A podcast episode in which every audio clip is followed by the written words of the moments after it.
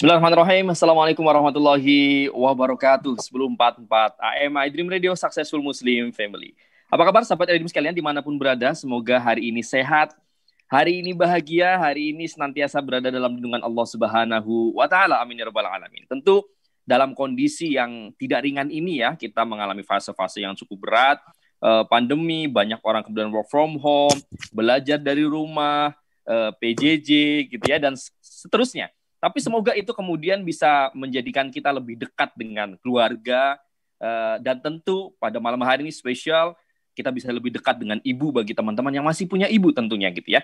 Uh, bagi teman-teman yang mungkin sudah ibu sudah meninggal wafat, tentu kita langitkan doa-doa terbaik kita untuk uh, ibunda kita tercinta.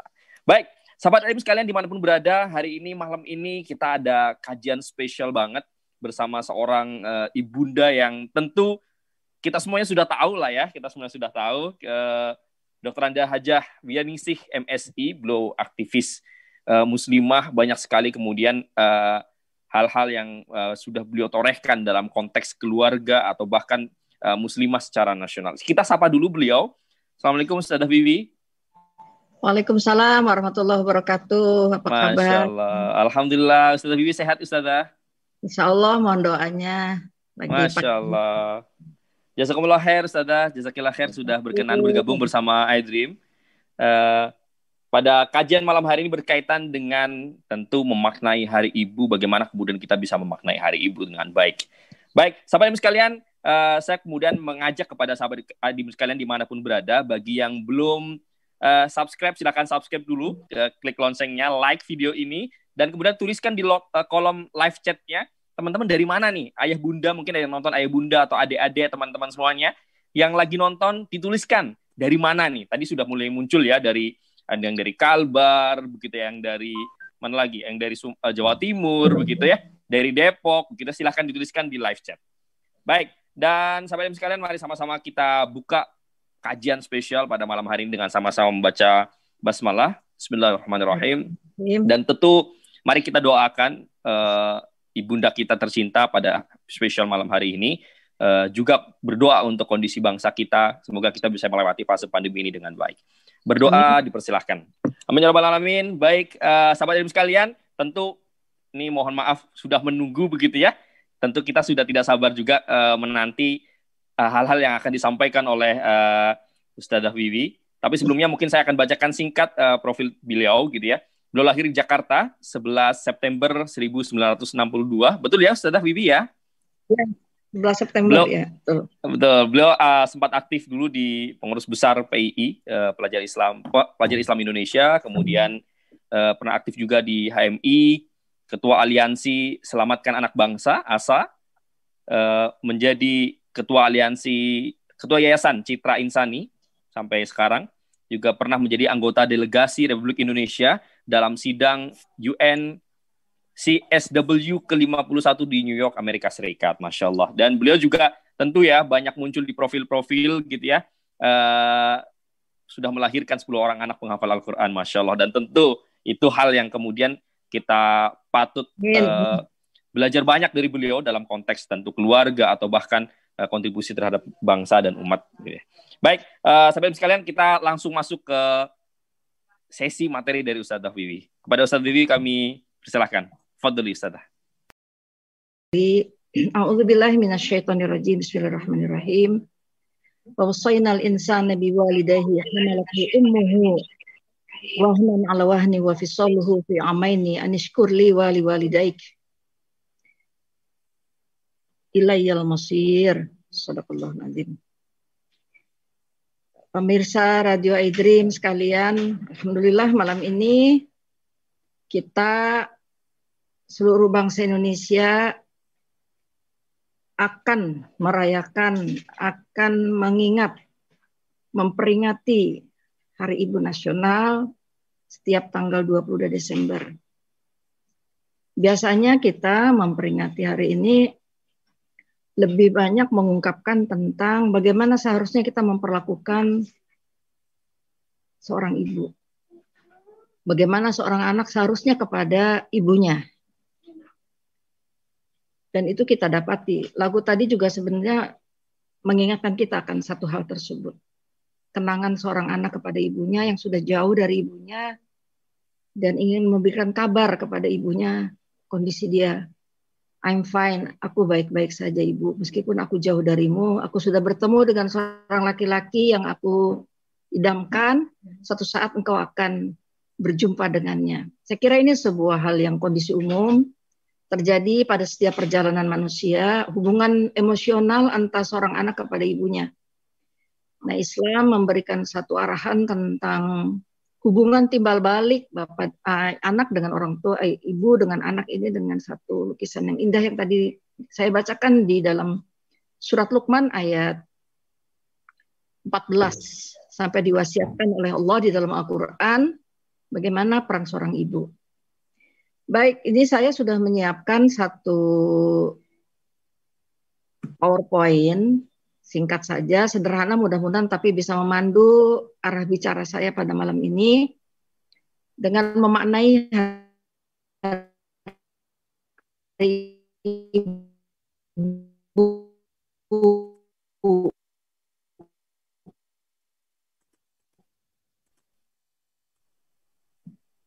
Saya mulai dengan mengapa tema ini diambil. Kalau tadi saya mengawali pada peringatan Hari Ibu itu biasanya seorang anak kemudian mengucapkan selamat hari ibu kepada ibunya, mengirim bunga atau mengirim puisi dan sebagainya. Itu penting dan itu betul ya agar setiap kita dengan momentum hari ibu ingat akan peran besar dan jasa seorang ibu dalam kehidupan kita.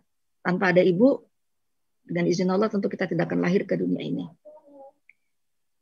Namun pertemuan kita malam ini saya ingin melihat lebih jauh dari konteks hubungan emosional ibu dan anak atau anak dan ibu saja, tapi ada yang lebih mendasar dari sekedar peran itu, yaitu peran membangun peradaban, peran yang strategis dan mulia. Makanya saya memberi judul memaknai Hari Ibu.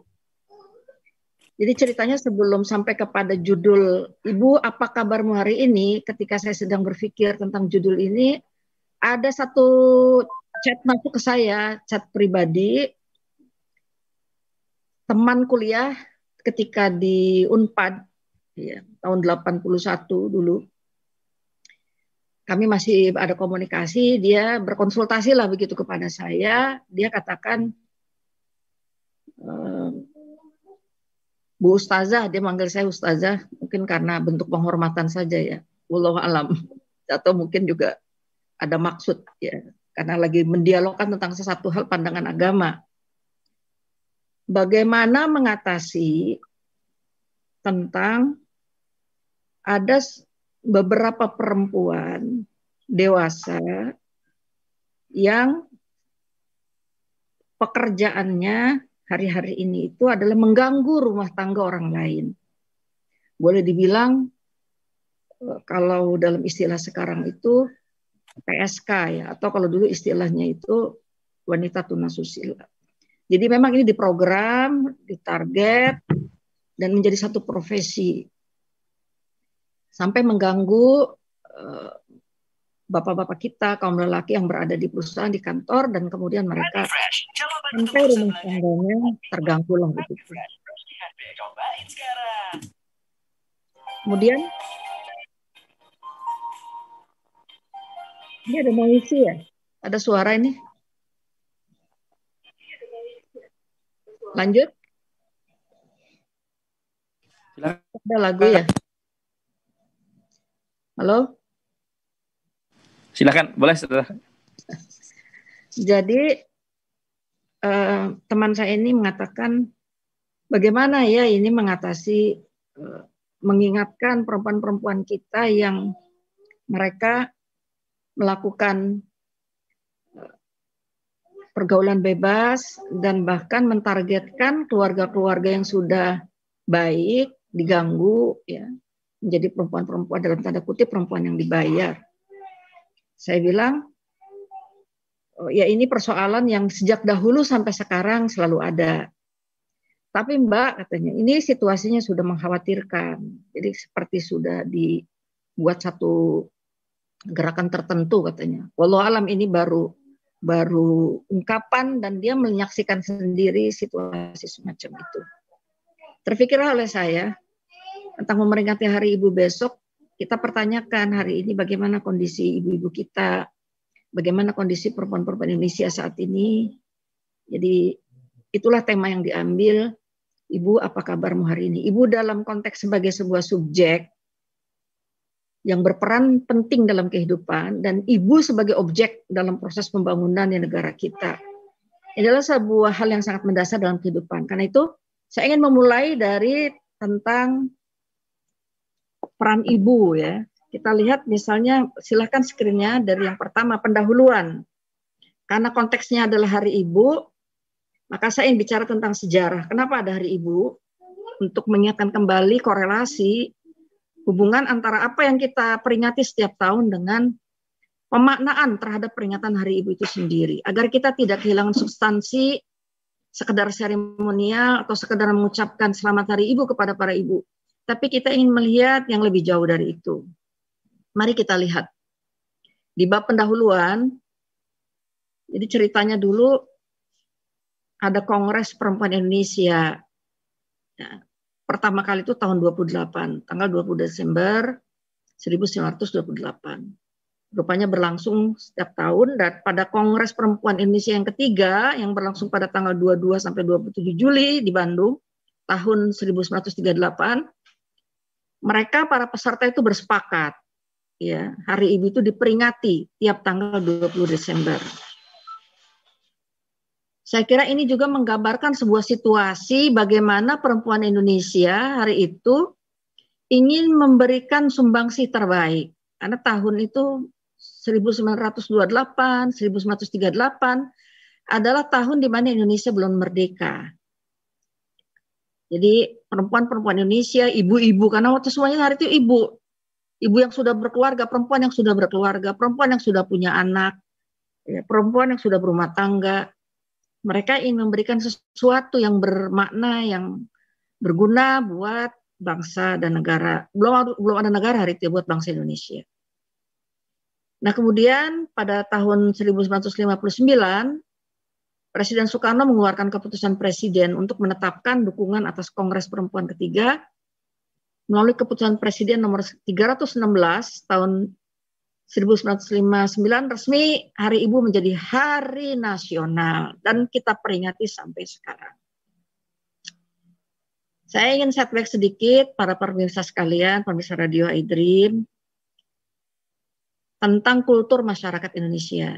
Jadi setelah lebih dari 60 tahun diperingati, bagaimana kabar ibu-ibu Indonesia saat ini? Kita lihat sejarah Hari Ibu, kultur masyarakat Indonesia. Indonesia memiliki kekhasan dibandingkan negara-negara lain pada umumnya sejak masa sebelum kerajaan Islam, sejak masa sebelum kemerdekaan, maksudnya masa, masa kemerdekaan dulu sampai kerajaan Islam hingga saat ini. Ya. Sejarah mencatat pada abad ke-7 kerajaan Hindu di Nusantara mengalami masa kejayaan ketika dipimpin oleh seorang perempuan, Ratu Shima pada tahun 674, Ratu Pramodawardhani tahun 833. Juga tercatat dalam sejarah Tribuwana Tunggadewi memimpin kerajaan Majapahit pada abad ke-14. Kemudian kerajaan Islam Indonesia juga terukir kejayaan di bawah kepemimpinan perempuan. Misalnya 300 tahun sebelum Kartini lahir sudah ada seorang perempuan namanya Raden Retno Kencono ya putrinya Raden Patah. Raja Islam pertama di Jawa itu di Demak itu punya seorang anak, anak putri namanya Retno Kencono. Dan kemudian karena kekuasaan Islam hari itu sudah mulai melebar sampai ke Jepara, Rembang dan sekitarnya, dari Demak ya, dari Demak sampai ke Jepara, di sana bertahta ya. Dilanjutkan oleh Retno Kencono ini yang kemudian bergelar sebagai Ratu Kalinyamat. Kalinyamat ini nama sebuah tempat kali di kawasan Jepara saya alhamdulillah pernah ke sana napak tilas perjuangan Kartini tahun 2017. Jadi rupanya pemikiran Islam sudah memberikan satu inspirasi kepada perempuan-perempuan muslim kita pada masa lalu. Sekaligus ini membuktikan bahwa Islam tidak pernah membuat perempuan terbelakang ya.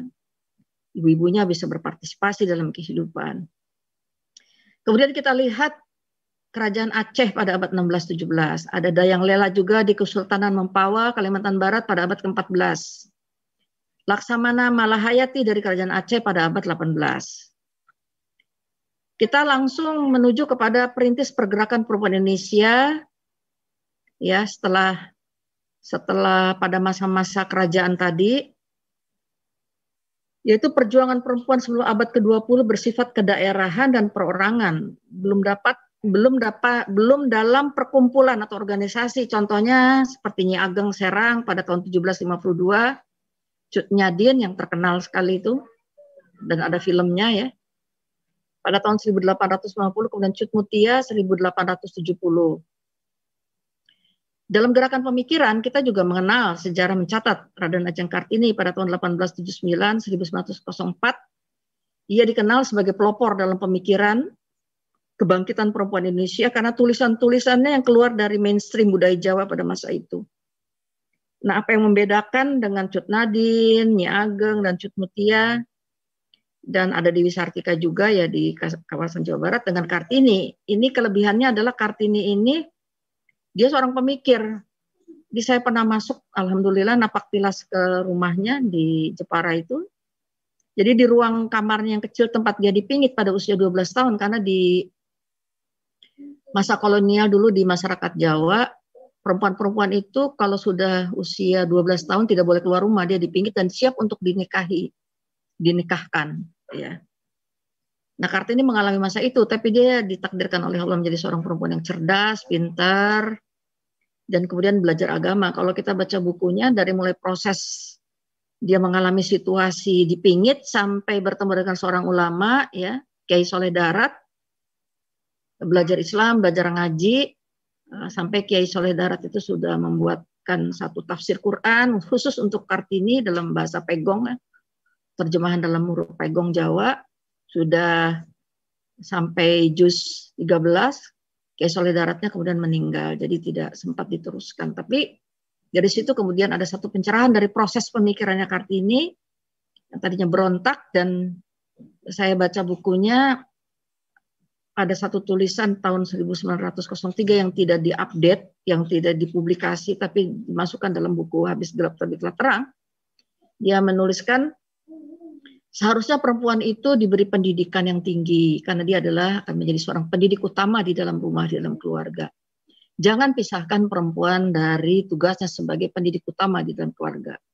Ini saya pikir satu pemikiran yang sangat original dari Kartini yang seharusnya memang kita jadikan not hari ini ya. Jadi kalau perempuan maju jangan lupa perannya sebagai seorang ibu. Nah, yang ketiga kita lihat bagaimana keterlibatan perempuan sebagai sebuah gerakan. Pertama, partisipasi organisasi dan pribadi perempuan dalam pergerakan kebangsaan menunjukkan dinamika politik kebangsaan Indonesia yang sangat diwarnai oleh keterlibatan perempuan. Pada masa sebelum kemerdekaan di Sumatera Barat dikenal kaum perempuan yang berjaga-jaga membawa senjata pada saat laki-laki sedang menjalankan sholat Jumat. Jadi Mas Alwi dan para pemirsa, saya membaca ini dalam tulisannya Taufik Abdullah ya tentang peran perempuan muslimah ya dalam sejarah pergerakan sejak sebelum kemerdekaan sampai pada masa Kongres Perempuan Indonesia. Kita lanjutkan pergerakan perempuan dalam bentuk organisasi atau perhimpunan dimulai dari Putri Mardika. Jadi memang ini Budi Utomo penggagasnya. Kita kenal ya Budi Utomo sebagai salah seorang tokoh pemersatu bangsa hari itu seorang pemuda yang diberi karunia oleh Allah, cerdas, pintar dan bisa sekolah tinggi pada hari itu. Jadi beliau menggagas satu gerakan perempuan dari gerakan Budi Utomo itu namanya Putri Mardika pada tahun 1912. Kemudian Aisyah pada tahun 2017 yang kemudian menjadi organisasi otonom dari Muhammadiyah pada tahun 1923 saya menyampaikan pandangan ini maksudnya mau mencari benang merah terhadap pemikiran dan pergerakan perempuan hari-hari ini yang juga ikut memperingati Hari Ibu. Ya. Kita lihat Muslimat NU lahir pada tahun 1926, diikuti oleh Nasyatul Aisyah pada 1931, Fatayat NU pada tahun 1950, Jong Islamiten Bondams Afdeling pada tahun 1925. Ini menarik nih, Jibda ini Jibda ini ketuanya adalah Umi, istrinya Panatsir. Panatsir ini adalah salah satu tokoh di Jong Islamitan Bond. Dan kita tahu siapa Panatsir kemudian menjadi tokoh dalam politik eh, dalam pendirian Masyumi ya, salah satu partai tahun 1955 yang berhasil memenangkan pemilu hari itu. Ya, tapi kemudian dibubarkan oleh Soekarno ya. Kemudian wanita al irsyad pada tahun 1936, wanita syarikat Islam pada tahun 1974. Nah, ini berkait erat dengan syarikat Siti Fatimah di Garut pada tahun 1918. Selain dalam perjuangan politik dan sosial, kita kenal juga dalam pendidikan Rahmah El Yunusiyah pada tahun 1900 sampai 1969 mendirikan sekolah khusus untuk perempuan diniyah Putri Padang Panjang. Mas Awi, pemirsa, Alhamdulillah, izin Allah saya juga pernah diundang bicara di hadapan ribuan santri ya atau murid dari diniyah Putri Padang Panjang beberapa tahun yang lalu. Saya terharu sekali karena teringat saya termasuk fans berat dari Rahma Indonesia. Jadi dia bukan hanya seorang pemikir, konseptor dalam pendidikan, dia juga seorang praktisi dan dia seorang pejuang. Ya. Insya Allah, insya Allah. Dia ikut berpikir waktu itu di Selat Malaka ya. Dan dia pakaiannya sudah rapi ya. Pakaiannya sudah tertutup rapi, jilbabnya sudah rapi, panjang hari itu. Inspirator, salah satu tokoh inspirator saya ya belakangan kemudian setelah saya mengenal beliau. Kata Taufik Abdullah pada tahun ini ditulis pada makalah 1991 beliau mengatakan Sekolah Diniyah Putri Padang Panjang ini merupakan tahap yang menentukan dalam gerakan kewanitaan Indonesia. Nah, kemudian kita lihat Hari Ibu. Hari Ibu ini dari urusan domestik. Saya pinjam istilahnya para aktivis perempuan. Domestik itu merujuk kepada urusan dapur, urusan dalam. Jadi ada istilah domestik publik gitu ya. Maksudnya domestik itu urusan dapur, sumur, kasur, apalagi satu lagi. Dapur, sumur, kasur. Tiga ya, dapur, sumur, kasur itu namanya domestik. Nah, karitatif apa karitatif itu adalah sekolah-sekolah perempuan yang dibangun pada masa sebelum kemerdekaan itu di mana perempuan itu bikin sulam, rajut, sesuatu yang produktif yang bisa dikerjakan di rumah tapi bisa menghasilkan gitu. Itu disebut karitatif ya. Kemudian hingga politik. Jadi sebenarnya kalau kita mau bicara tentang Hari Ibu kita bicara tentang tiga hal ini. Hal-hal yang sifatnya domestik karitatif keterampilan hingga politik. Yang para aktivis perempuan menyebutnya sebagai urusan ranah publik ya, pengambil kebijakan. Kalau dalam Islam kita menyebutnya sebagai partisipasi di dalam masyarakat. Nah, bagaimana itu? Nah, penggagas Kongres Perempuan Indonesia pertama pada tahun 20 pada tahun 1928 tanggal 22 Desember ada tujuh perkumpulan pergerakan perempuan Indonesia. Di situ disebut Wanita Utomo, Aisyah, wanita taman siswa Putri Indonesia Jibda tadi ya Jong Islam Bon dan wanita Katolik Jong Java Miss Hekring dan beberapa tokoh perempuan. Jadi kalau kita lihat konfigurasinya ini dari beberapa pergerakan ini mewakili perkumpulan. Artinya ini sangat mewakili situasi perempuan hari itu. Ya, situasi ibu-ibu karena ini semuanya ibu-ibu ya situasi ibu-ibu kita pada hari itu. Yang perorangan hanya beberapa orang saja, empat atau lima orang gitu. Dihadiri sekitar seribu orang utusan dari 30 perkumpulan perempuan dari 21 organisasi pria maksudnya 30 eh, perkumpulan perempuan ini 21 di antaranya adalah otonom atau bagian dari organisasi yang dibentuk oleh bapak-bapak pada hari itu oleh kaum laki-laki. Apa saja hasil kongres pertamanya? Yang pertama adalah ini penting ya, saya kaitannya dengan tadi judul. Pertama, mengirimkan mosi kepada pemerintah kolonial untuk menambah sekolah bagi anak perempuan. Ya. rupanya memang hari itu perempuan itu didiskriminasi, diperlakukan rendah, tidak dimuliakan, dianggap sebelah mata, tidak memiliki peran penting. Padahal tadi Kartini tahun 1903 sudah menyampaikan perempuan itu harus dididik, harus disekolahkan karena dia akan menjadi seorang ibu, ya. Ibu pencetak generasi, ibu pembangun peradaban. Nah, kemudian apa rupanya situasinya masih eh, belum mendukung. Ya. Kedua, pemerintah wajib memberikan dukungan surat keterangan pada waktu nikah. Kalau sekarang namanya undang-undang perkawinan. Ya. Maksudnya untuk melindungi perempuan dari perilaku yang tidak patut atau perilaku yang zolim dari laki-laki kepada istrinya ya. Makanya dilindungi dengan undang-undang. Artinya di sini mereka berharap negara terlibat dalam proses peningkatan kualitas perempuan yang akan menjadi ibu. Satu dari sisi pendidikan, yang kedua dari sisi hak-hak dia sebagai seorang istri dan ibu di rumah. Ya. Kalau kita bicara ibu, kaitannya dengan ibu yang mereka sudah menikah punya anak, ibu yang walaupun mereka tidak tidak punya anak, tapi memiliki peran penting ya di tengah-tengah masyarakat dan dia dalam waktu bersamaan adalah sebagai seorang istri. Ya. Yang ketiga, diadakan peraturan yang memberikan tunjangan pada janda dan anak-anak pegawai negeri Indonesia. Ini Masya Allah dari tahun 1928 itu sudah terfikir ya bagaimana janda akibat perang hari itu kan terjadi ya, peperangan ya banyak para bapak para suami yang keluar berperang melawan hari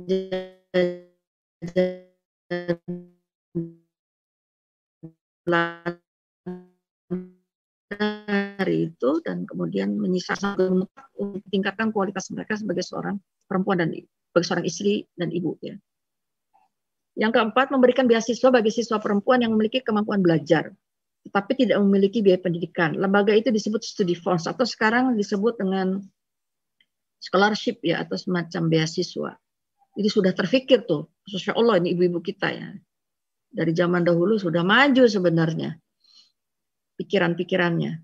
Melampaui zaman, sudah 60 tahun yang lalu. Kelima, mendirikan suatu lembaga dan mendirikan kursus pemberantasan buta huruf kursus kesehatan, serta mengaktifkan usaha pemberantasan perkawinan kanak-kanak. Itu yang prakteknya dulu mungkin masih ada usia 6 tahun, 7 tahun ya sudah dinikahkan, kadang belum haid sudah dinikahkan, oh, kawin paksa dulu istilahnya. Nanti kita lihat bagian mana Islam mengatur tentang masalah ini. Yang keenam, mendirikan satu badan yang menjadi wadah pemufakatan atau kesepakatan dan musyawarah dari berbagai dari perkumpulan Indonesia, yaitu Perikatan Perkumpulan Perempuan Indonesia, kayak semacam organisasi. Langsung kita masuk nih ya, Mas Alwi. Waktu saya tinggal 10 menit ya. Betul, Ustazah. Ya, betul kan? 10 menit lagi. Siap, Ustazah. Betul, siap. Nah, bagaimana pandangan Islam tentang ibu? Saya ingin mulai dengan terminologi ibu. Ada dua terminologi dalam Al-Quran yang menggantikan frase ibu. Satu ummun, ya. dua walidah, walidatun. Ya. Jadi kalau umun itu dalam bahasa Arab artinya induk al-um. Imam Syafi'i itu menulis kitab namanya kitab al-um. Itu artinya kitab induk. Ya. Kitab induk di mana di situ ada kaidah usul fikih dan sampai sekarang menjadi satu kitab rujukan yang sangat masyhur dipakai oleh banyak para ulama sampai kepada kita di Indonesia yang menurut mazhab Syafi'i itu kitab al-um itu menjadi buku rujukan ya, dalam mengambil istimbat hukum. Ada lagi istilah umul kitab ini makna induk. Saya mau bilang apa kaitannya kenapa dalam Islam seorang perempuan yang melahirkan, mengasuh, mendidik itu disebut um. dalam Al-Quran itu ada disebut umul kitab untuk surat Al-Fatihah. Surat Al-Fatihah ini adalah saripati dari keseluruhan surat-surat di dalam Al-Quran. Dia adalah induk dari segala surat-surat ayat-ayat di dalam Al-Quran. Dan diletakkannya di pertama. Dia termasuk surat yang kalau kita tidak baca dalam sholat kita, sholat kita tidak sah. Betul ya? Itu Al-Fatihah. Al-Fatihah disebut Ummul Kitab. Induknya kitab suci Al-Quran. Bahkan ini juga disebut Al-Fatihah ini bisa menjadi obat. Ya, sebagai penyembuh. Kalau ada yang sakit, bacakan surat Al-Fatihah. Bismillah dengan izin Allah kita mohon. Insya Allah dikasih kesembuhan. Itu terminologi um yang bermakna ibu. Ibu dalam bahasa Indonesia, dalam bahasa Arab umun. Ya. Tadi ayatnya sudah saya bacakan dalam surat Luqman ayat 14. Ya. Di sini, Alhamdulillah minasyaitonirrajim. Wasainal insana biwalidayhi hamalathu ummuhu. Dan kami perintahkan kepada manusia agar berbuat baik itu saya bold ya. Kepada kedua orang tuanya disebutnya secara spesifik oleh Allah. Allah yang menyebutkan ini. Ibunya ummuhu. Ummuhu wahnan ala wahnin wa fisoluhu fi amaini anishkurli wali walidai. Ya, Masya Allah. Ibunya telah mengandungnya dalam keadaan lemah yang bertambah-tambah. Dan menyapihnya dalam usia dua tahun. Ini kalau dibahas satu ayat ini aja, ini bisa sampai pagi nggak selesai, Mas. Karena dalam sekali pemaknaan. Masya Allah. Ya. Dan tugas seorang ibu lemah bertambah lemah ini kita bisa bahas dari sisi psikologi menyapi dalam usia dua tahun. Wah ini bisa kita bicara tentang psikologi pengasuhan anak pendidikan anak hadonah rodoah masya Allah. Rodoah itu maksudnya penyusuan. Ada sebuah hadis sahih dari Bukhari Muslim mutafakun alaih ini ya. Sahabat bertanya Wahai Rasulullah, kepada siapakah seharusnya aku berbakti pertama kali? Nabi SAW memberikan jawaban dengan ucapan ummuka. Sampai diulangi tiga kali. Siapa lagi ya Rasulullah? Ummuka. Siapa lagi ya Rasulullah? Ummuka. Siapa lagi ya Rasulullah? Kemudian baru dijawab oleh Nabi SAW. Abuka. Ibumu. Ya, ini saya ingin mendasari bagaimana Islam memandang tentang ibu itu memiliki peran penting, strategis, dan mulia. Ya, jadi baru kita lihat relevansinya tadi ya, kenapa para pemikir, pejuang di awal kemerdekaan kita pada masa-masa penjajahan dulu berpikir tentang pentingnya memberikan pendidikan bagi perempuan, ngasih sekolah, ya, perhatian kepada janda dan anak-anak, dan bikin perkumpulan supaya hanya perempuan yang perhatian dengan perempuan. Dan ini terjadi pada masa Rasulullah SAW ketika Rasulullah memberikan satu pelajaran kepada satu taklim gitu kalau sekarang ya. Satu perkumpulan di situ ada ibu-ibunya. Kemudian wanita-wanita Ansor itu minta kepada Rasulullah ya Rasulullah tolong diulang lagi. Kemudian Nabi berjalan ke belakang mengulang kembali dari awal sampai akhir pelajaran yang tadi baru diberikan kepada majelis yang mungkin tidak terdengar oleh para ibu-ibu tadi di belakang. Nabi mengulang kembali dari A sampai Z dan kemudian mereka mengatakan ya Rasulullah sediakan kepada kami waktu khusus untuk belajar. Kemudian kata Nabi, iya, sediakan waktu dan kemudian dibuatlah waktu khusus untuk para muslimah hari itu para sahabiat belajar, menuntut ilmu. Nah, makanya ini para ulama kemudian bersepakat, berpendapat salah satu hikmah mengapa Rasulullah menikahi Aisyah radhiyallahu itu di usia yang belia karena untuk menjadi tadi. Muridnya Rasulullah langsung ya dalam berbagai disiplin ilmu dan kita belajar sejarah Aisyah radhiyallahu itu menghafal lebih dari 2000 hadis dari Rasulullah SAW dan muridnya juga banyak para sahabat hari itu. Jadi uh, Aisyah telah anha telah disiapkan oleh Allah menjadi istri Allah untuk menjadi transfer menjadi tempat transfer ilmu pengetahuan daripada masa Nabi pada masa hidup hingga kepada setelah Rasulullah wafat. Subhanallah. Ya, ini contoh kenapa penting seorang perempuan, seorang ibu itu di berikan pendidikan. Apa saja peran strategis ibu? Pertama, ya hamil, melahirkan, menyusui. Ini yang peran tidak bisa digantikan.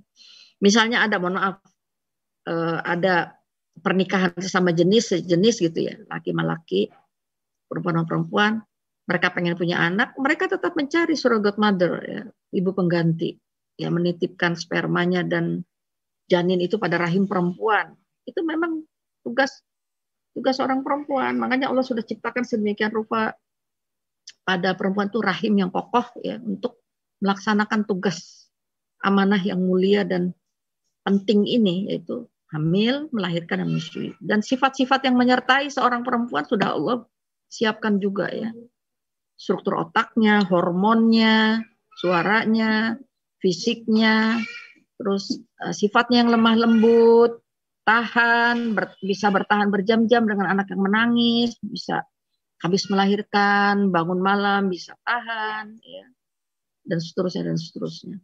Yang kedua sebagai pendidik atau murabiyah. Ya, murabiyah ini pendidik maksudnya dia bukan sekedar transfer ilmu, tapi dia juga punya satu visi, ya, punya cita-cita. Tidak sekadar menjadi seorang ibu atau seorang istri, tapi dia punya keinginan-keinginan bagaimana anaknya nanti dibesarkan. Saya ingin anak saya begini, saya ingin anak saya begitu. Dan cita-cita itu adalah cita-cita yang mulia. Bukan sembarang cita-cita, itu yang dimaksud murabiyah. Kemudian guru, teacher. Sebagaimana di sekolah, kalau kita lihat guru, teacher di sekolah itu ya bertemunya hanya dua jam, tiga jam, transfer ilmu saja dan sedikit saja mendapatkan uh, transformasi nilai. Jadi ibu juga berperan sebagai transformator, sebagai sosok yang uh, mentransfer ilmu pengetahuan yang dia miliki. Itu guru ya, teacher. Digugu dan ditiru. Yang ketiga pengasuh tadi saya sudah singgung ya, hadona. Hadona itu adalah masa pengasuhan pada saat anak ketika masih menyusui. Ya, ini kita baca dalam surat Al-Baqarah 233. Nah, ini saya percepat saja. Yang keempat, tempat menyemai kasih sayang. Satu sifat yang tidak dimiliki eh, maksud kelebihan sifat kasih sayang itu melebihi sifat kasih sayangnya seorang ayah kepada anak. Itu ceritanya pada satu peperangan eh, terjadi kemudian setelah perang usai Rasulullah melihat ada seorang ibu yang menangis menangis sampai sedih sekali karena kehilangan anaknya yang masih usia balita. Nah, begitu ditemukan anak ini usia tiga tahun, ibu itu langsung menjerit, memeluk, dan ini terjadi di hadapan Rasulullah Shallallahu Alaihi Wasallam. Kemudian Nabi mendekati dan bertanya, wahai ibu, apakah kau sayang dengan anak ini? Sayang ya Rasulullah. Aduh, ketemu lagi. Kita bisa bayangkanlah bagaimana perasaan seorang ibu ya, yang sudah hamil 9 bulan, kemudian dirawatnya dan terjadi peperangan kemudian terpisah. Begitu ditemukan lagi, masya Allah senang sekali. Apa sabda Nabi? Wahai ibu ketahuilah bahwa sesungguhnya kasih sayang Allah itu melampaui kasih sayang seorang ibu kepada anaknya. Jadi penggambaran tentang kasih sayang seorang ibu ini menunjukkan tentang ibu itu tempat berhimpunnya kasih sayang di rumah, dalam keluarga, dan dia dititipi oleh Allah sifat Rahman dan Rahimnya. Allah yang Maha Pengasih dan Maha Penyayang. Kayak kita sering mendengar satu ungkapan kasih sayang ibu sepanjang jalan, kasih sayang anak sepanjang galah. Betul nggak, Ya kan? Ibu, saya ingat dulu ibu saya, ibu saya ngomong gini, kan dulu zaman tahun 60-an ya, 70-an itu dapur itu eh, menyimpan ada tempat menyimpan air namanya gentong ya. Karena air pam belum seperti sekarang ya. Di uh, air itu harus ditampung dulu digentong terus ada apa namanya tuh hiduk ya. Dari kelapa itu loh batu kelapa diseduk gitu kan. Nah saya suka perhatikan ibu saya masak tuh pakai itu kalau khusus khusus untuk mencuci sayuran masak nasi. Ibu saya bilang itu airnya sudah mau habis. Ibu saya bilang begini, beginilah nih kehidupannya seperti ini. Apa maksudnya? Anak itu sama orang tua sama ibunya itu udah nggak punya apa masih dikeruk aja katanya gitu. Ya, Ibu itu tempat kita kembali ya. Kalau di luar di mana-mana orang bisa menolak, tapi bagi seorang ibu tidak. Seperti apa pun anaknya, baik dan buruk, sejauh apa pun dia sudah melangkah, ibu adalah tempat kembali yang paling baik. Masya Allah, makanya disebutnya juga kapal induk ya. Al-um. Um itu artinya induk. Yang kelima, pembentuk karakter. Jadi hati-hati ibu, karena karakter kita akan menjadi dikopas, dikopi paste oleh anak-anak kebiasaan-kebiasaan kita akan tanpa sadar direkam oleh anak-anak kita. Jadi sebuah karakter. Karakter adalah sebuah perilaku sifat yang berulang-ulang terjadi pada seseorang itu disebut dengan karakter. Kalau karakter ibunya seperti itu, dia akan ditiru oleh anaknya. Pemarah atau mungkin juga pendusta, naudzubillah. Jangan ya ibu-ibu, hati-hati sekali ibu-ibu kita, masya Allah. Enam, nah ini dia. Dokter pertama di rumah, orang yang paling tahu bagaimana kondisi kesehatan anaknya. Ya kadang baru memandang aja udah bisa lihat ini panasnya kayaknya udah 37 nih 38 ya. Dia bisa lihat sinar matanya. Karena ibu sejak dari rahim dua tahun pertama dipegang jadi sampai tahu bentuk kulitnya. Ada jerawat yang tumbuh apa segala sampai ibu tuh hafal sekali. Karena sering membawa anaknya ke rumah sakit dia jadi hafal resep. Bahkan ada cerita ibu lebih hafal bisa baca. Dia bukan apoteker. Apa resep ketimbang si petugas apotik ya yang baru magang. Nggak bisa baca. Ibunya karena tiap hari anaknya banyak baca resep jadi dia apa masih banyak lagi ibu sekalian peran strategis ibu. Yang intinya adalah peran membangun peradaban yang mulia. Nah, ini ada satu kutipan yang saya ambil dari satu buku. Sungguh berbakti kepada ibu merupakan ibadah yang sangat agung. Berbakti kepada kedua orang tua diletakkan oleh Allah di dalam berbagai ayat sebagai bentuk ibadah utama setelah menyembah Allah dan tidak boleh menyekutukannya. Durhaka kepada kedua orang tua termasuk dosa besar, lebih-lebih kepada ibu. Dan pengalaman baca sejarah, kalau kita berbuat baik kepada kedua orang tua, khususnya kepada ibu, balasannya itu oleh Allah langsung diberikan di dunia, tidak ditunda hingga akhir, hingga ke akhirat. Kembalikannya juga begitu. Kalau dia durhaka kepada kedua orang tuanya, khususnya ibu, balasannya sudah Allah tampakkan sejak di dunia, hidupnya tidak berkah, sampai nanti di akhirat. Nauzubillah. Contohnya kisah Al-Qamah itu yang masyur itu. Dia ridha Allah itu terletak pada ridha kedua orang tua, murka Allah terletak pada murka kedua orang tua. Kata ibu dia melakukan, ini saya sudah singgung ya, menggunakan dua terminologi, um dan walidah. Walidah ini biasanya dinisbahkan bagi perempuan yang melahirkan, yang yang sudah punya anak. Ya. Nah sekarang bagaimana kondisi ibu-ibu Indonesia kini? Nah, kita masuk ke judul. Jadi ada dua dua hal terkait dengan ibu. Satu sebagai subjek dalam proses pembangunan. Ibu-ibu kita telah memberikan kontribusi yang tidak kecil. Tadi sejarahnya sudah saya sampaikan di awal ya. Itu sengaja saya saya sampaikan supaya kita tidak boleh merupakan peran ibu-ibu kita pada masa lalu yang telah menyebabkan salah satunya perempuan-perempuan Indonesia saat ini bebas, merdeka, sejajar dengan laki-laki.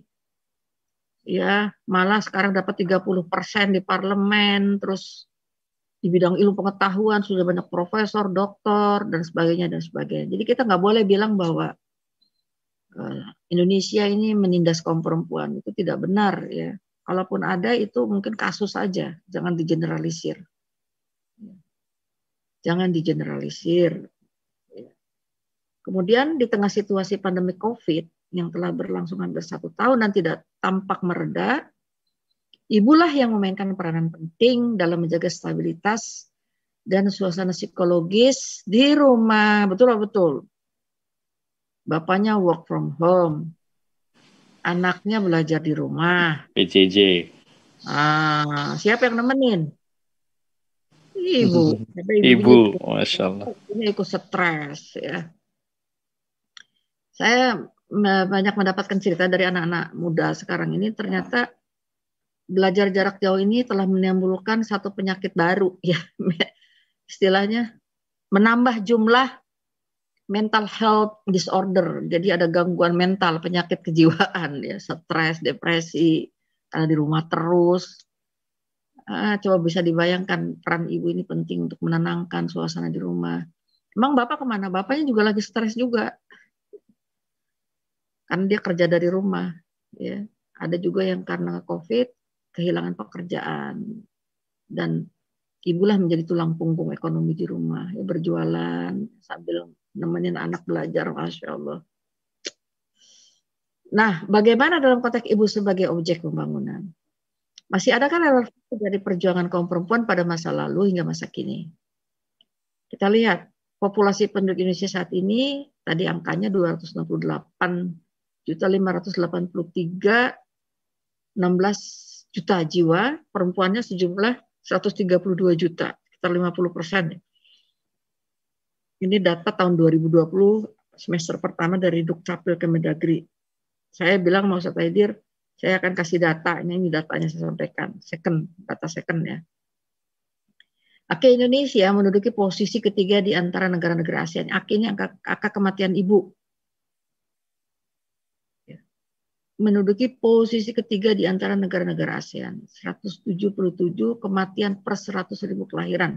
Ini data dari World Bank tahun 2017. Artinya apa?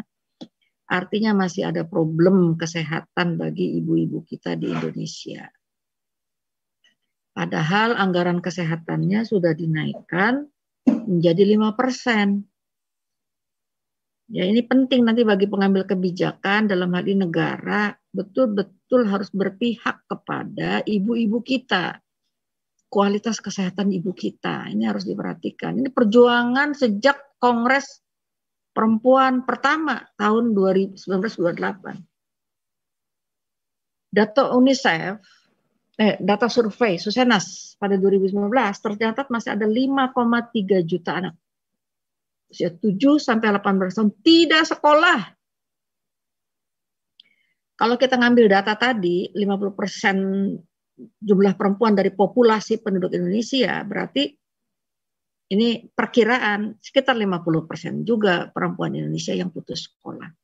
Dan saat ini kita banyak mendapatkan angka, mohon maaf, tenaga kerja Indonesia perempuan yang karena akibat persoalan ekonomi, ya, unwell educated di Indonesia, kemudian jadi mohon maaf ya, di sananya bekerja sebagai ART di luar negeri, bukan pekerjaan yang berdasi istilahnya ya, pekerjaan yang menjadi menempati posisi-posisi di belakang meja. Sekarang ini saya mendapatkan eh, perempuan-perempuan yang umurnya 40 tahun atau 30 tahun hanya sekolah sampai SD. Banyak jadi pembantu rumah tangga. Kasihan sekali kalau kita datang ke daerah-daerah, perempuan-perempuan yang nggak bisa sekolah. Kemudian selesai sekolahnya dia hanya umur 12 tahun. Kalau yang saya baca di Indramayu, tapi mudah-mudahan sekarang udah berubah ya karena saya pernah ke sana tahun 2004 diundang oleh para perkumpulan ibu-ibu, para ustazah mubaleghot se-Indramayu. Itu problemnya adalah di sana itu kalau orang tua punya anak perempuan itu bangga sekali Mas Alwi. Ya, bangga sekali. Kenapa? Karena mohon maaf ya, ini mudah-mudahan sekarang sudah berkurang. Senang punya anak perempuan karena bisa dijual. Sementara kalau mereka bertani bertahun-tahun karena begitu miskinnya di daerah sana, ya paling dapat satu juta, satu setengah juta sudah jadi buruh tani karena tanahnya sudah banyak dibeli oleh orang-orang kota. Udah pun panen jadi buruh, hasil buruhnya dijual oleh tengkulak dengan harga murah, dibeli dengan harga sangat murah, mereka hanya tidak dapat seberapa, bekerja keras, ya tanah bukan tanah mereka, dapat hanya sekitar berapa selama satu tahun juga. Tapi kalau punya anak perempuan, sekali dijual dapat 5 juta. Hanya saya punya teman dulu di kuliah di UIN Bandung itu lakukan penelitian, tapi ini kejadian masih tahun 80 ya. Saya berharap hari ini sudah sudah tidak terjadi atau berkurang. Tingginya angka perceraian anak usia usia perkawinan. Jadi tingginya tingkat kawin cerai di kawasan Pantura karena mereka menikah tadi di usia setelah tamat SD. Yang penting kata orang tua umur 9 10 tahun sudah bisa membedakan uang kertas yang warna merah dengan warna biru dan warna hijau. ratusan ribu, puluhan, lima puluh ribuan. Yang penting sudah bisa ngitung lah, udah nggak usah sekolah lagi. Saya berharap hari ini sudah, karena belum ada penelitian lagi hari ini, mudah-mudahan ini sudah sangat berkurang. Jadi karena faktor kemiskinan. Kata data UNICEF, masih tahun 2018, faktor ekonomi adalah alasan utama anak putus sekolah. Nah, saya miris saja Mas Ali, anggaran APBN kita kan naik terus. Tapi hutang negara udah hampir 5.000 triliun, lebih besar pasak daripada tiang. Udah gitu pejabatnya pada korupsi. Padahal masih ada 23, 24 juta rakyat Indonesia di bawah garis kemiskinan. Di dalamnya itu ada perempuan-perempuan kita, ibu-ibu kita. Yang putus sekolah, yang akinya masih tinggi tadi. Coba lihat lagi, bagaimana dengan angka korban akibat pergaulan bebas? Hari ini pergeseran nilai yang tadi saya bilang di awal. Kenapa judulnya Mother How Are You Today? Ibu-ibu kita.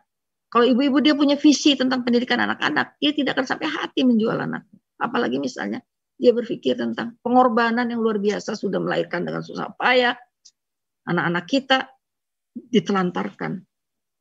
Yang saya maksud ditelantarkan itu tidak dididik akhlaknya, tidak mandiri, tidak survive menghadapi berbagai persoalan tantangan budaya yang luar biasa. Anak-anak remaja kita lebih dari satu setengah juta orang itu lifestyle-nya mengikuti kiblat ke mana itu K-pop segala macam. Saya nggak menyalahkan tapi kita punya kultur Indonesia ini punya satu budaya sendiri yang kita sudah akui dan kita sudah maktubkan di dalam Pancasila kita, ketuhanan yang Maha Esa, harus ini menjadi satu pedoman hidup bersama kita bahwa bangsa Indonesia ini adalah bangsa yang memiliki nilai-nilai religius, perhatian kepada adab, bangsa timur, dan seterusnya. Ini sekarang sudah bergeser, apalagi gadget sudah di tangan kita, Masya Allah. Ini penting sekali peran ibu di rumah. Data Sumaser, silakan dicek nanti 2005 ada sekitar 2,3 juta bayi korban aborsi disebabkan salah satunya karena unwanted pregnancy atau kehamilan yang tidak diinginkan. Dan sekitar 2,8 persen itu karena tadi akibat pergaulan bebas. Karena itu saya ingin menutup pertemuan hari ini dengan, ayo ibu kita kokohkan peran strategis kita yang sudah diamanahkan oleh langit dan bumi kepada ibu dan di sini penting kaum bapak.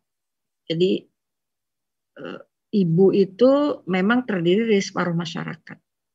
Tapi pengaruhnya kepada seluruh masyarakat. Karena kaum laki-laki juga dilahirkan dari rahim ibu, dari rahim perempuan.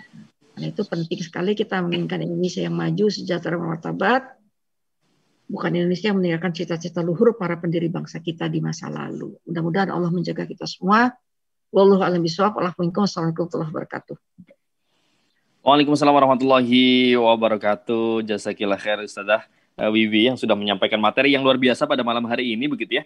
Uh, kita diajak untuk berefleksi dengan perjuangan para pejuang-pejuang muslimah di abad 18, abad 19 gitu yang luar biasa sekali sehingga kemudian juga menelurkan banyak sekali aktivis-aktivis uh, muslimah ya uh, sahabat dan sekalian. Baik, uh, sahabat dan sekalian karena waktu kita sebetulnya sudah jam 9 lewat 10 malam. Uh, mohon izin extend sebentar ya Ustazah Wiwi ya. Kita yeah. buka uh, sekitar tiga penanya, begitu ya. Sekitar kita batasi sekitar tiga penanya. Uh, bagi sahabat AIM sekalian yang punya pertanyaan, boleh sekali untuk ditanyakan ke live chat kita di uh, YouTube ataupun bertanya ke WhatsApp kita di 082298881044. Saya coba buka dulu ya, Ustazah Bibi ya. Iya. Yeah. Baik, masya Allah ini banyak pertanyaan nih.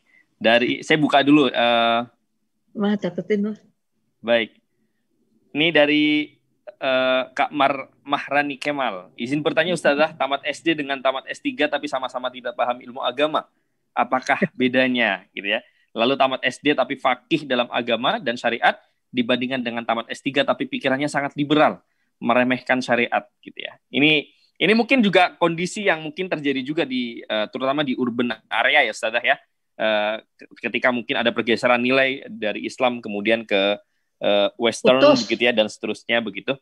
Nih bagaimana pendapat Ustazah berka berkaitan Suaranya dengan hilang. Halo Ustazah? Halo, cek. Terdengar Ustazah?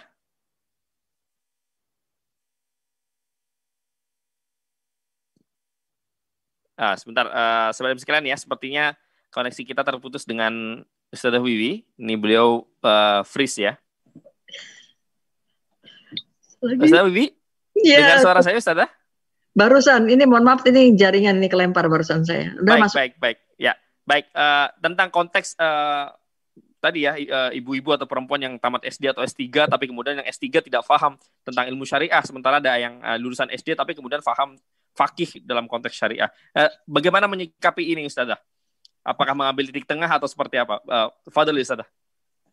Ya ini saya lihat kalau Bismillahirrahmanirrahim, kalau mau melihat pertanyaan harus di konteksnya apa ini ya. Banyak variabel. Saya selalu ingin mengatakan, mau pendidikan S1, S2, S3, SD apa pun, pendidikan agama itu adalah fondasi penting, fundamental dalam kehidupan. Ya. Jadi kita tidak bisa vis-a-vis SD tapi agamanya lebih paham atau S3 tidak paham. Seharusnya mau SD, SMP, SMA atau sampai profesor sekalipun kita hendaknya menjadikan pendidikan agama itu sebagai pendidikan yang mendasar dalam kehidupan kita. Baru ilmu-ilmu yang lain. Karena agama inilah yang akan menyelamatkan kita di dunia dan akhirat.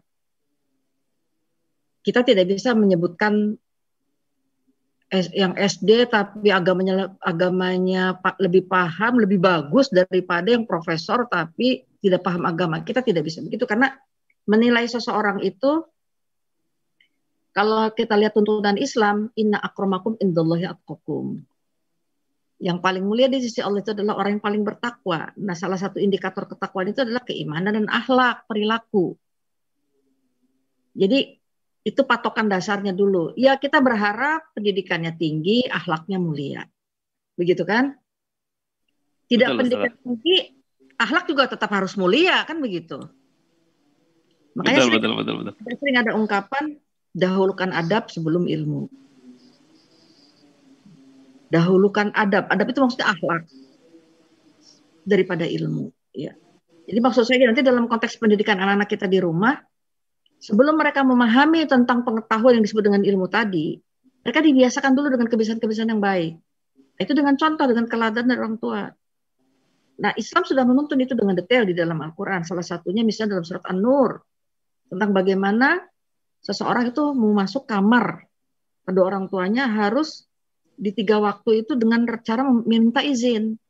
Itu kan kalau kita breakdown lagi, kita preteli gitu, kita kita jabarkan, untuk bisa mendidik itu berarti kan orang tua harus di tiga waktu itu tadi ya, habis sholat subuh, habis sholat isya, dan tengah hari, kata Nabi, di tiga tempat itu kamu pasti lagi ganti pakaian, sedang apa dengan suami istri orang tua ya, kan waktu-waktu yang khusus kan ada. Berarti kan kita pertama harus punya kamar sendiri orang tua, yang kedua harus mengunci di tiga waktu itu supaya nanti anak nggak langsung selonong aja gitu masuk kamar dia mengetuk Hmm. Karena ini terbiasa, padahal dia kan belum paham. Betul, betul, betul, betul, betul. Itu dia akan tanya kenapa bapak ibu kok kalau di habis habis sholat subuh, saya harus mengetok pintu, baru kita secara nalarnya baru kita karena Islam mengajarkan ini. Ternyata di situ terkandung juga soal adab, akhlak, kebiasaan baik, dan ini tarbiyah jinsia, pendidikan seksual sejak dini semua nomor ini kan hal semacam ini kita bisa pelajari lebih dalam. Betul, betul, betul, betul, betul. Ada satu tema khusus nih Ustazah ya untuk membahas hal itu. Ya, itu nanti cari lagi pembicara yang ahlinya. Masya Allah. Baik, Ustazah, saya izin kemudian masuk ke pertanyaan kedua nih Ustazah, karena waktu kita juga cukup terbatas dari Kak Inas Anissa Islamiyah Lubis. Assalamualaikum Ustazah, uh, saya ingin bertanya, untuk memuliakan ibu bagi seorang anak merupakan sebuah kewajiban. Lalu bagaimana dengan sikap seorang ibu yang menelantarkan anak tersebut? Tadi mungkin Ustazah uh, sempat menye, menye, uh, mencontohkan tentang ibu yang menjual anaknya, mohon maaf ya, dan seterusnya. Uh, atau tidak dididik akhlaknya begitu ya, dan seterusnya. Fadal Ustazah. Ya. Masya Allah, ini memang itulah kalau kita mengenal Islam, kita mengenal apa yang disebut dengan mendahulukan kewajiban daripada hak. Mendahulukan kewajiban. Kalau kita menjalankan kewajiban, maka orang lain akan mendapatkan hak yang melekat pada dirinya. Jadi kewajiban kita sebagai seorang hamba adalah menyembah kepada Allah dan hak kita atas Allah adalah mendapatkan surganya. Gitu. Jadi kewajiban Allah kepada hambanya adalah tadi mengganjar, memberikan balasan dengan sebaik-baik balasan. Ah santum ah santum li anfusikum. Jadi memberikan balasan bi hisab wa ajru bi hisab dengan bahasan pahala yang tanpa batas yaitu surga firdaus. Tapi kita punya kewajiban yaitu apa? Menyembah dia, menyembah Allah. Nah itu Allah hubungan kita individu. Nah bagaimana hubungan kita sesama manusia? Sesama manusia itu ada kewajiban-kewajiban harus kita penuhi. Kenapa sekarang ada istilah hak asasi manusia? Sampai dideklarasikan karena begitu banyak pelanggaran dilakukan oleh manusia, dia tidak melaksanakan kewajiban-kewajibannya terhadap orang lain. Salah satunya deklarasi misalnya tentang kewajiban ayah kepada anak, kewajiban ibu kepada anak, kewajiban anak kepada orang tua. Dan kalau dalam pandangan Islam, hukum wajib itu bermakna kalau dikerjakan mendapatkan pahala, tidak dikerjakan berdosa. Nah, seorang ibu yang tidak melaksanakan kewajibannya sebagai seorang tadi yang saya sebut ada sekitar tujuh perannya tadi dalam screenshot tadi, berarti dia berdosa. Kenapa sampai itu terjadi? Saya tidak tahu tanyakan saja kenapa sampai dia tidak melakukan kewajiban. Berarti bisa jadi wallahu alam pertama ada sebuah kesalahan struktural yang berulang.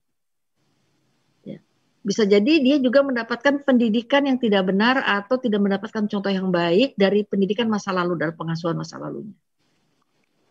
Jadi itu yang saya sebut kalau minjem istilah ada kemiskinan struktural, jadi ada kesalahan struktural pada masa lalu, kelalaian, dan tidak mau bertobat, tidak mau memperbaiki.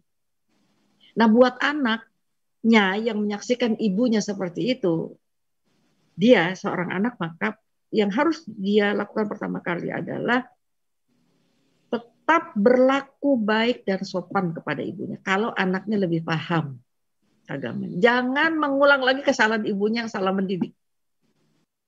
Kedua, memohonkan ampun kalau masih satu agama ya karena kalau udah beda agama nggak nyambung itu kisah Nabi Ibrahim ada dalam surat Ibrahim yang beliau minta ampun kepada Allah kan. Untuk ayahnya kata Allah nggak bisa udah beda agama. Tidak ada hubungannya. Kalau doa itu sudah tidak nyambung. Tapi dari sisi akhlak sopan santun perlakuan kata Allah kamu harus tetap berlaku ramah lembut bicara sopan santun kepada ayahmu. Kita sebagai anak tetap harus hormat, respect, ya. Doakan jangan mengulang dan kemudian ketiga sedapat-dapatnya dengan cara yang tetap baik menasehatinya. Apalagi Masya jika Allah. itu terkait dengan masalah yang prinsip soal keimanan. Sekarang ini Mas, saya baca sekarang karena banyak waktu di rumah akhirnya saya juga banyak ikuti tren sekarang ini adalah satu sisi memang Islam mengalami Islamophobia di belahan dunia di mana Islam minoritas di sana, tapi saat yang bersamaan ada kebangkitan banyaknya hmm, orang-orang yang uh, convert to Islam, embrace Islam. Itu saya lihat semua cerita-cerita yang setelah mereka sadar di usia 25 tahun, 27 tahun menjadi pemeluk Islam, yang mereka lakukan pertama kali adalah mendatangi ibunya. Insya Allah. Ini seperti mengulang kisah saat bin Abi Waqqas pada masa lalu. Nasihati ibu, ayolah bersamaku masuk surga. Saya kira dan dia tetap berlaku lembut. Oh, apa ibunya mogok makan kan saat bin Waqqas sampai betul, betul, betul, betul. Ibu punya seribu nyawa supaya saya meninggalkan agama ini. Mohon maaf ibu, saya tetap mencintaimu tapi saya tidak bisa mengikutimu. Masya Allah. Mudah-mudahan Allah menjaga kita semua. Amin ya rabbal alamin. Baik, uh, setelah Wiwi Jazakumullah Khair sudah memberikan materi pada malam hari ini. Rasa-rasanya masih banyak pertanyaan-pertanyaan dari sahabat ilmu sekalian, juga dari saya pribadi juga muncul di banyak pertanyaan-pertanyaan sebetulnya Ustaz ya. Tapi karena waktu sudah hampir jam setengah sepuluh malam di ya. Jakarta, Depok dan sekitarnya, kita izin untuk uh, selesaikan acara pada malam hari ini, Ustazah ya. Yeah. Semoga kita bisa uh, kembali mengundang Ustazah dan bisa sharing berkaitan dengan konteks uh, keluarga, perempuan, gerakan, dan seterusnya. Tapi sebelumnya, saya kemudian uh, mengundang mempersilahkan kepada Ustazah Wiwi untuk menyampaikan closing statement buat kita semuanya Ustazah. Oh iya. Silakan Ustazah. Ya, bismillahirrahmanirrahim.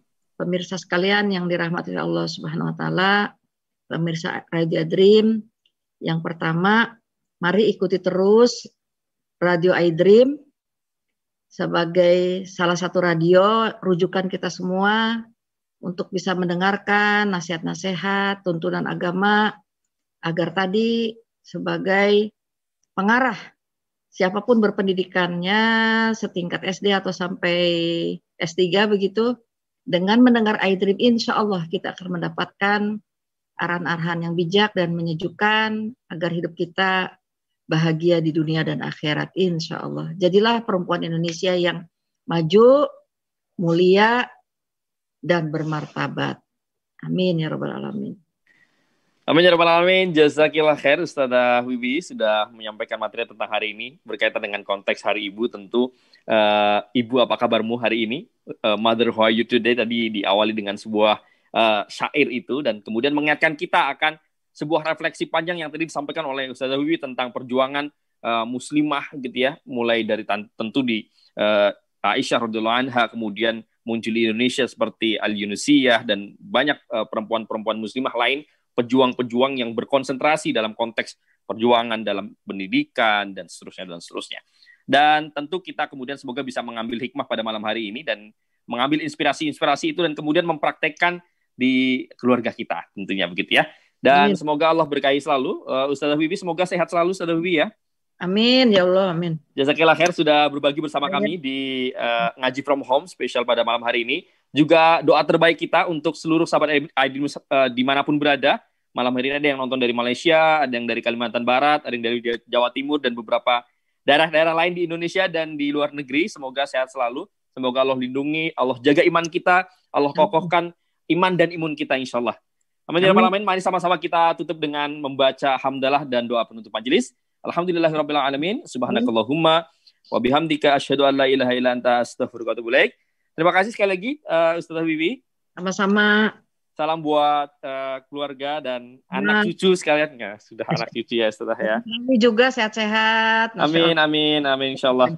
Iya. Baik, sekali terima kasih Ustazah Bibi dan sahabat ilmu sekalian di mana berada. Kami uh, Farudin Alwi beserta kru yang bertugas pada malam hari ini mohon pamit dari ruang dengar Anda. Terima kasih. Wassalamualaikum warahmatullahi wabarakatuh.